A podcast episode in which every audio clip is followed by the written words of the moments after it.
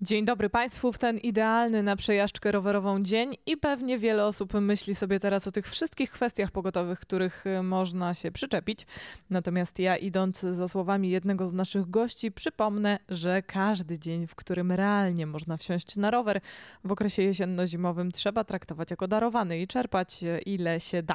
Tak więc do tego zachęcam na wstępie i zachęt będzie dzisiaj całkiem sporo, bo wystartował wrocławski program rowerowy pod hasłem W kółko kręcę. Będzie szansa, żeby za tydzień zjeść nam, z nami rowerowe śniadanie, a także porozmawiamy o tym, co z kaskiem, bo w końcu jest to element y, praktycznie prawnie nieobowiązkowy, ale czy jednocześnie niepotrzebny? O tym wszystkim w najbliższej godzinie. Zapraszam.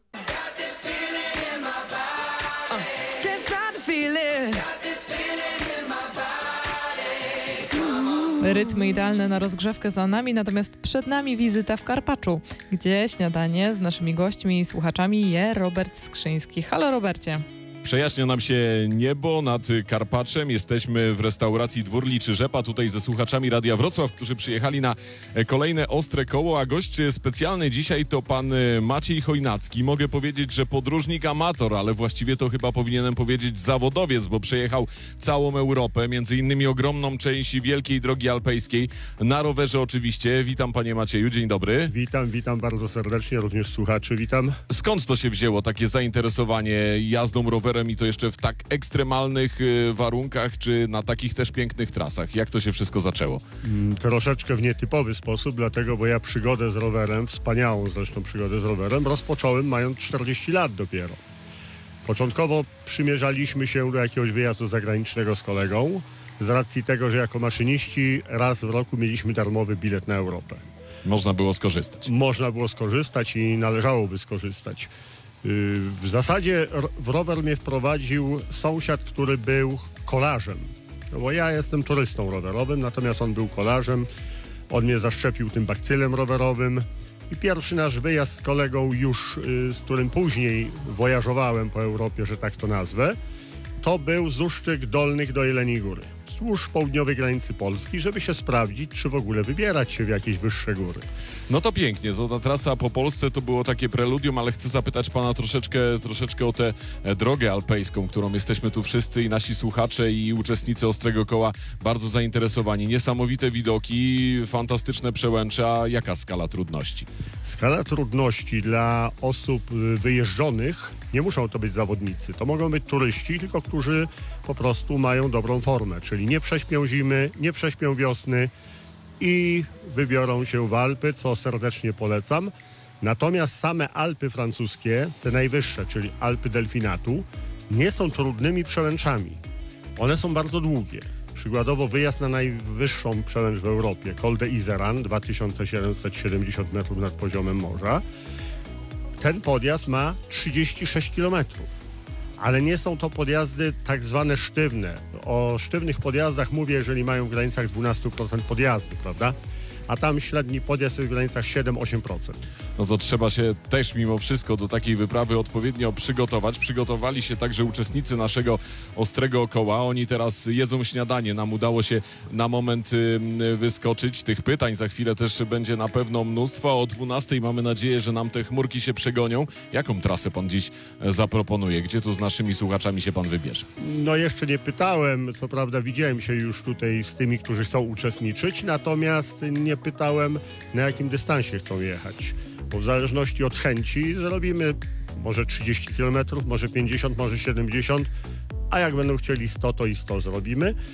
No, chciałbym pokazać y, tutaj okolice Karpacza bardziej, przy czym będzie to tylko jazda po drogach asfaltowych. Z racji tego, że mam kontuzję i rowery górskie. Dzisiaj nie będziemy lansować rower, y, jazdy na rowerach górskich, tak bym to nazwał. A zatem nasi słuchacze też wszystko wiedzą. Przekonamy się, jaką trasę wybiorą pan Maciej Chojnacki, nasz dzisiejszy gość specjalny, podróżnik, który przejechał ogromną część drogi alpejskiej i był naszym gościem. Jesteśmy dalej w restauracji Dwór Liczy Rzepy w Karpaczu. Panie Macieju, bardzo dziękuję za rozmowę. Również. To był Robert Skrzyński. Bardzo dziękuję i zachęcam, jeśli ktoś chciałby wziąć w radiowym śniadaniu rowerowym udział za tydzień w niedzielę, to czekamy w Zamku Kliczków. Zaznaczmy, śniadanie będzie pyszne, do tego dokładamy od siebie profesjonalną kolarską koszulkę lidera.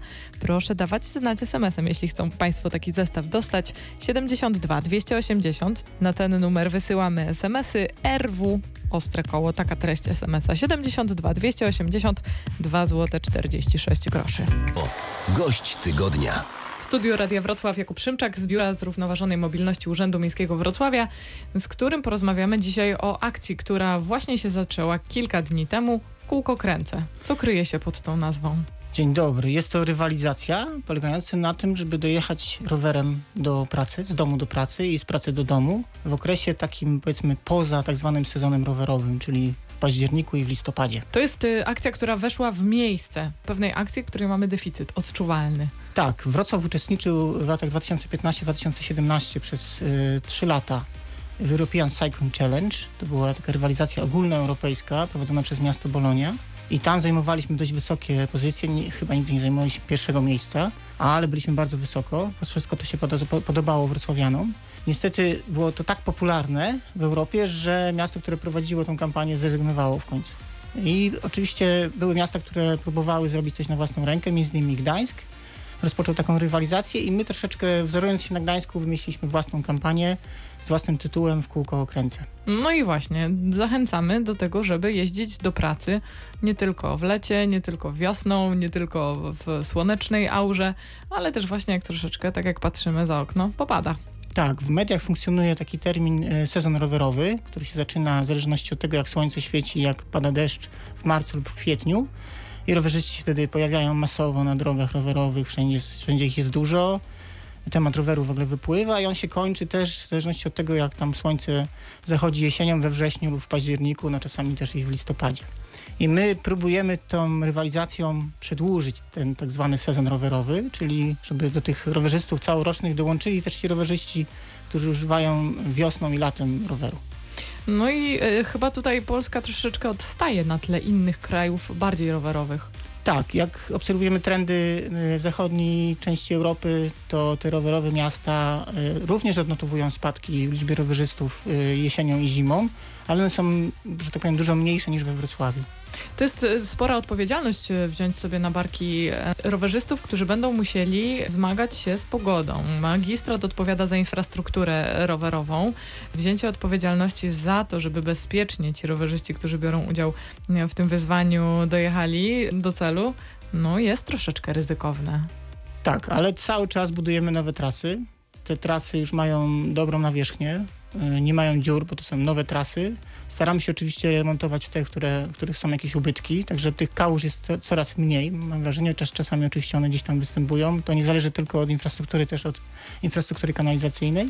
Natomiast też ten deszcz nie pada u nas cały czas, nie codziennie. Tych deszczowych dni mamy tak naprawdę mało. Tylko jest często tak, że osoby, które jeżdżą na rowerach i zobaczą ten deszcz przez 2-3 dni, chowają rowery na przykład do piwnicy i później już stwierdzają, dobra, już schowałem ten rower, to już go nie wyciągam do tego marca. Więc chcemy tutaj troszeczkę pobudzić do tego, żeby jeździć dalej, ponieważ w rywalizacji nie chodzi tylko o samą rywalizację, ale też o zdobywanie nagród. Także możemy się porównać z kolegą czy z koleżanką z pracy, czy też z, z klasy, bo też zapraszamy do tego młodzież ponadpodstawową. I dodatkowo można wygrać atrakcyjne nagrody. Jak wziąć w tym udział, o tym już powiemy za moment. Rowerowy bezpiecznik. A gościem audycji Ostre Koło jest dziś doktor habilitowany Mariusz Ptak z Politechniki Wrocławskiej z Wydziału Mechanicznego, laureat Nagrody Polityki za badania biomechaniki urazów głowy. No to jak z tymi kaskami jest? Bo powiem szczerze, że rozgorzała burza po tym, kiedy oficer rowerowy Wrocławia powiedział, że no z tymi kaskami to to nie jest do końca, tak? On na przykład przy jeździe po mieście nie zakłada, zakłada tylko na wyjazdy w góry, więc to nie jest tak, że ten kask nas do końca chroni. No ja też niedawno, co prawda, przekonałam się do kasku, ale ja z kolei jeżdżę, zakładam ten kask zawsze. Mhm. Powinniśmy zakładać kaski, czy nie? W jednym zdaniu tak, powinniśmy zakładać. Kaski według mnie to jest taka polisa ubezpieczeniowa troszeczkę. Nigdy nie wiemy, co nam się może zdarzyć, co się wydarzy. Zazwyczaj patrząc na przykład na bezpieczeństwo w pojeździe, no wozimy ze sobą poduszki gazowe, pasy bezpieczeństwa, jesteśmy przypię przypięci tymi pasami. No i statystycznie rzadko kto w ogóle zobaczy na oczy poduszkę gazową wybuchającą. Więc kask jest urządzeniem bezpieczeństwa biernego, który ma za zadanie chronić nas wtedy, kiedy będzie to potrzeba. Wiadomo, no, statystycznie nigdy tej, tego kasku nie użyjemy, na szczęście. Miałem ostatnio, to było rok temu, okazję zobaczyć naocznie na moim dziecku, jak kask działa. Trzylatek jeżdżąc swobodnie na rowerze, na swoim rowerku, przeskoczył przez dziurę w drodze i wylądował właśnie na tym kasku. Myślę, że moje badania, które wykorzystują modele numeryczne versus to, co się stało z dzieckiem, a mało się stało na szczęście, bo miał właśnie ten kask, były przykładem tego, że ten kask jest pomocny i w tym momencie na pewno ocalił go nie tylko od pęknięcia czaszki, ale myślę, że też od mocnych zadrapań na twarzy czaszce. Jaki kask wybrać? Bo rozmawiając z ekspertem z jednego z salonów rowerowych, dowiedziałam się, że powinniśmy wybierać kask, który jest certyfikowany, nie kupować kasku w markecie za 20 czy 30 zł, ale jednak e, no już powyżej tych e, dwóch zer. Tak naprawdę idąc do jakiegokolwiek sklepu, czy to będzie serwis rowerowy, czy to będzie prawdopodobnie supermarket nawet, kaski, które są sprzedawane na polskim i europejskim rynku muszą być certyfikowane. Jest norma która jasno i wyraźnie podkreśla to, że każdy kask sprzedawany na, na polskim rynku Unii Europejskiej musi przejść odpowiednią certyfikację. Nie jesteśmy w stanie kupić, znaczy prawdopodobnie może przez sieć kask niecertyfikowany, bo on może pochodzić z innych źródeł, na przykład z, z zagranicy. Azji, z zagranicy, ale w polskim sklepie, to znaczy położonym na, ter na terenie polskim i to ten kask musi mieć tą certyfikację. No jak ta certyfikacja w takim razie wygląda? To jest słaby punkt tej certyfikacji, bo ona się cały czas opiera na, na włożeniu w kask, który mamy poddać właśnie przeciążeniom stalowej czy, czy aluminiowej sfery, która niekoniecznie przypomina naszą głowę, bo przypomina ją geometrycznie jedynie. W tej stalowej czy aluminiowej głowie jest akcelerometr, czyli czujnik przyspieszenia i ta głowa zrzucana jest w spadku swobodnym no, z około metra do półtora metra, zależnie od, od wagi danego manekina. No i na tym akcelerometrze odnotowane są wartości przyspieszenia. I te wartości przyspieszenia nie mogą przekroczyć pewnej granicy. Ta granica to jest 250 G. I to jest ogromna wartość, krytyczna wartość dla, dla czaszki, więc Certyfikacja to jest na pewno coś więcej niż, niż brak certyfikacji, ale niekoniecznie daje nam pełne spektrum obrażeń biomechanicznych. Może należałoby coś zrobić z tymi normami i regulacjami, żeby, żeby te kaski jednak były bezpieczniejsze. I teraz różnica między kaskami. Tak jak Pani wspomniała, za 30 i 300 No powiedzmy, zł. że 30, 300, 300 zł. Ta różnica prawdopodobnie jest. No, prawdopodobnie też jest e, ze względu na to, że jest też pewna marka, która kosztuje, ale zasadniczo grom kasków, nie powiem w procentach, ale większość prawdopodobnie, których mieliśmy okazję dotknąć w naszym życiu, to opiera się na jednym podstawowym materiale, a mianowicie spienionym polistyrenerze, który, który jest niczym innym jak styropian. Styropianem. Styropianem, tak. On różnie wygląda, ale, ale opiera się na, tym sam, na tych samych właściwościach. Oczywiście kaski droższe posiadają pewne systemy, które redukują obrażenia, no, e, albo mogą redukować te obrażenia, ale... Też za... po prostu nie pourywają nam się paski od razu. Dokładnie, ale, ale certyfikacja też to bada. Czy te paski się urwą przy danej sile. Tak jak mam okazję testować różne kaski, szczególnie dla dzieciaków, bo kaski dla, dla dzieci powinny być wymieniane stosunkowo często, w ogóle dla dorosłych również. Robiliśmy badania, gdzie testowaliśmy kaski pod wpływem UV czyli promieniowania na przykład słonecznego. Moim zdaniem, jeżeli mógłbym wyrazić swoją opinię, lepiej kupować średniej klasy, ale wymieniać go częściej. Średniej klasy, czyli mniej więcej za kwotę? Tutaj kwoty bym nie chciał mówić, bo możemy dobry kask już kupić w okolicy 100 zł, albo nawet dla dzieci nawet taniej, zdecydowanie taniej niż 100 zł.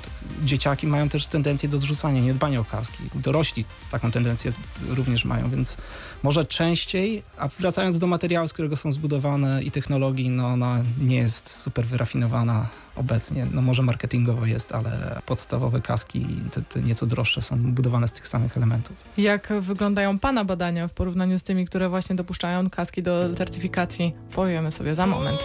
Rowerowy bezpiecznik.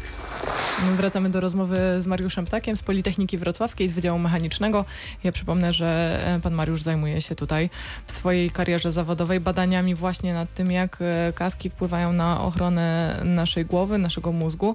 No i tak jak wspomniał pan, e, certyfikaty, te badania, które sprawiają, że kask jest dopuszczony na rynek, to jest tak naprawdę przeciążenie dla mózgu, którego nie jesteśmy w stanie przeżyć, tak? tak. Natomiast pana badania na czym polegają? Ja zamiast tej stalowej czy aluminiowej sfery, która przypomina tą ludzką głowę albo mają przypominać, używam modeli numerycznych. To jest odzwierciedlenie głowy człowieka z większością struktur i z bardzo istotnych struktur właśnie na ekranie komputera. I zamiast tej stalowej sfery mamy naprawdę światowej klasy głowę człowieka, którą możemy podać różnym przyspieszeniom i wówczas widzimy, co tak naprawdę dzieje się z tkankami, z tkankami miękkimi, co dzieje się z czaszką, czy ona pęka, czy nie pęka, bo na tej stalowej sferze no nie zobaczymy tego niestety. Zobaczymy tylko i, i wyłącznie wykres przyspieszenia w czasie.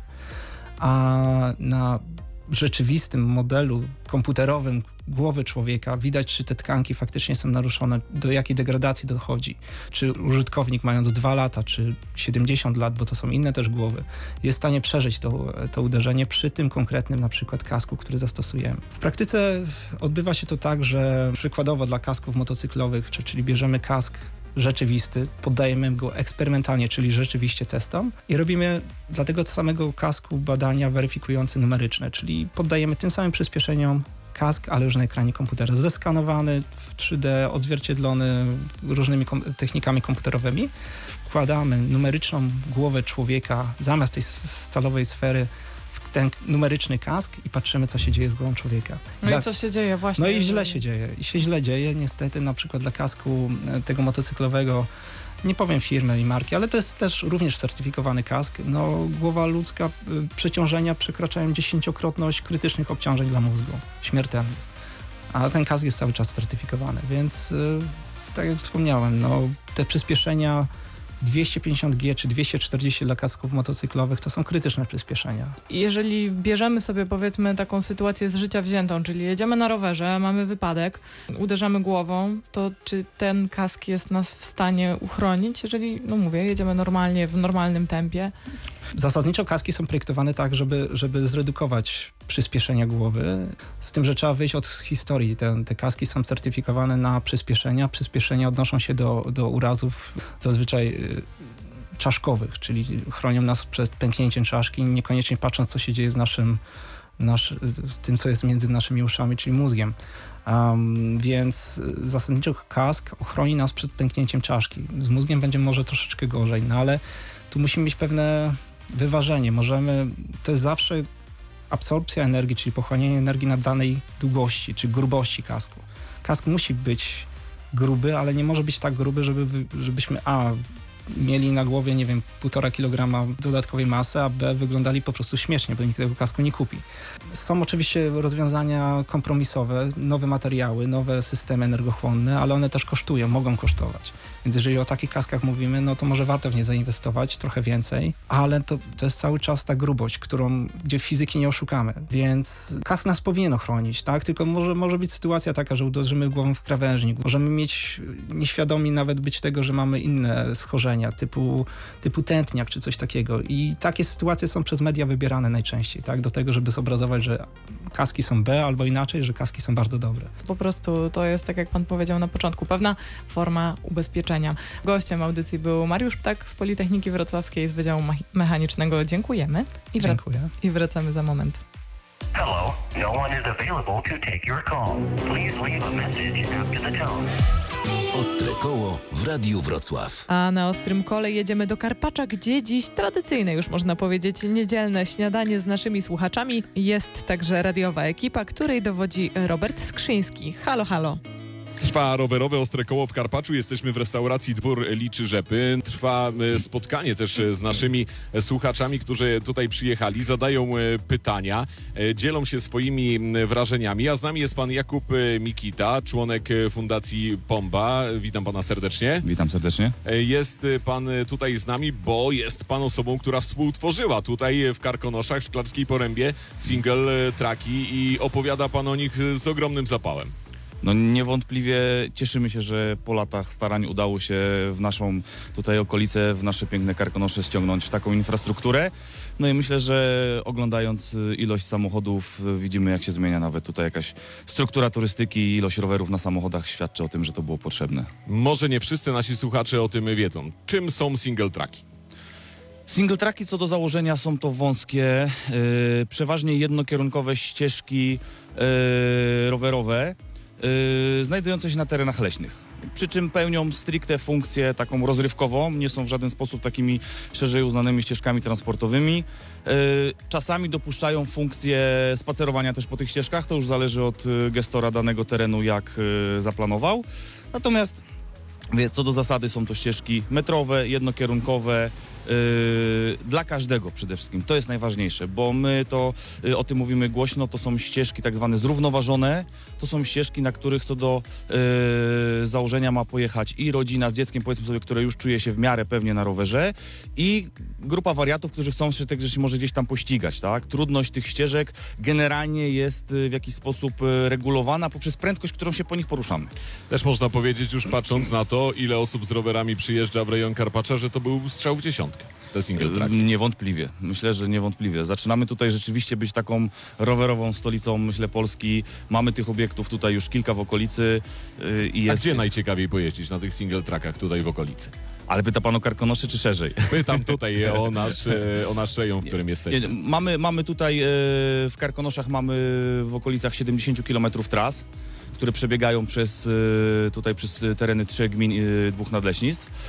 E, Są to ścieżki, które począwszy od tutaj rejonu od strony Karpacza, Borowic są takimi łatwiejszymi ścieżkami. Środkowa część zaczyna się już taka powiedzmy sobie im dalej w stronę Szklarskiej Poręby, tym te ścieżki są troszeczkę tam powiedzmy trudniejsze z takimi okolicami Piechowic, Michałowic, tam już zdecydowanie najtrudniejsze ścieżki, które polecamy osobom dobrze jeżdżącą z takim konkretnym sprzętem, żeby się czuć dobrze, bezpiecznie i nie łatać e, cały czas kapci.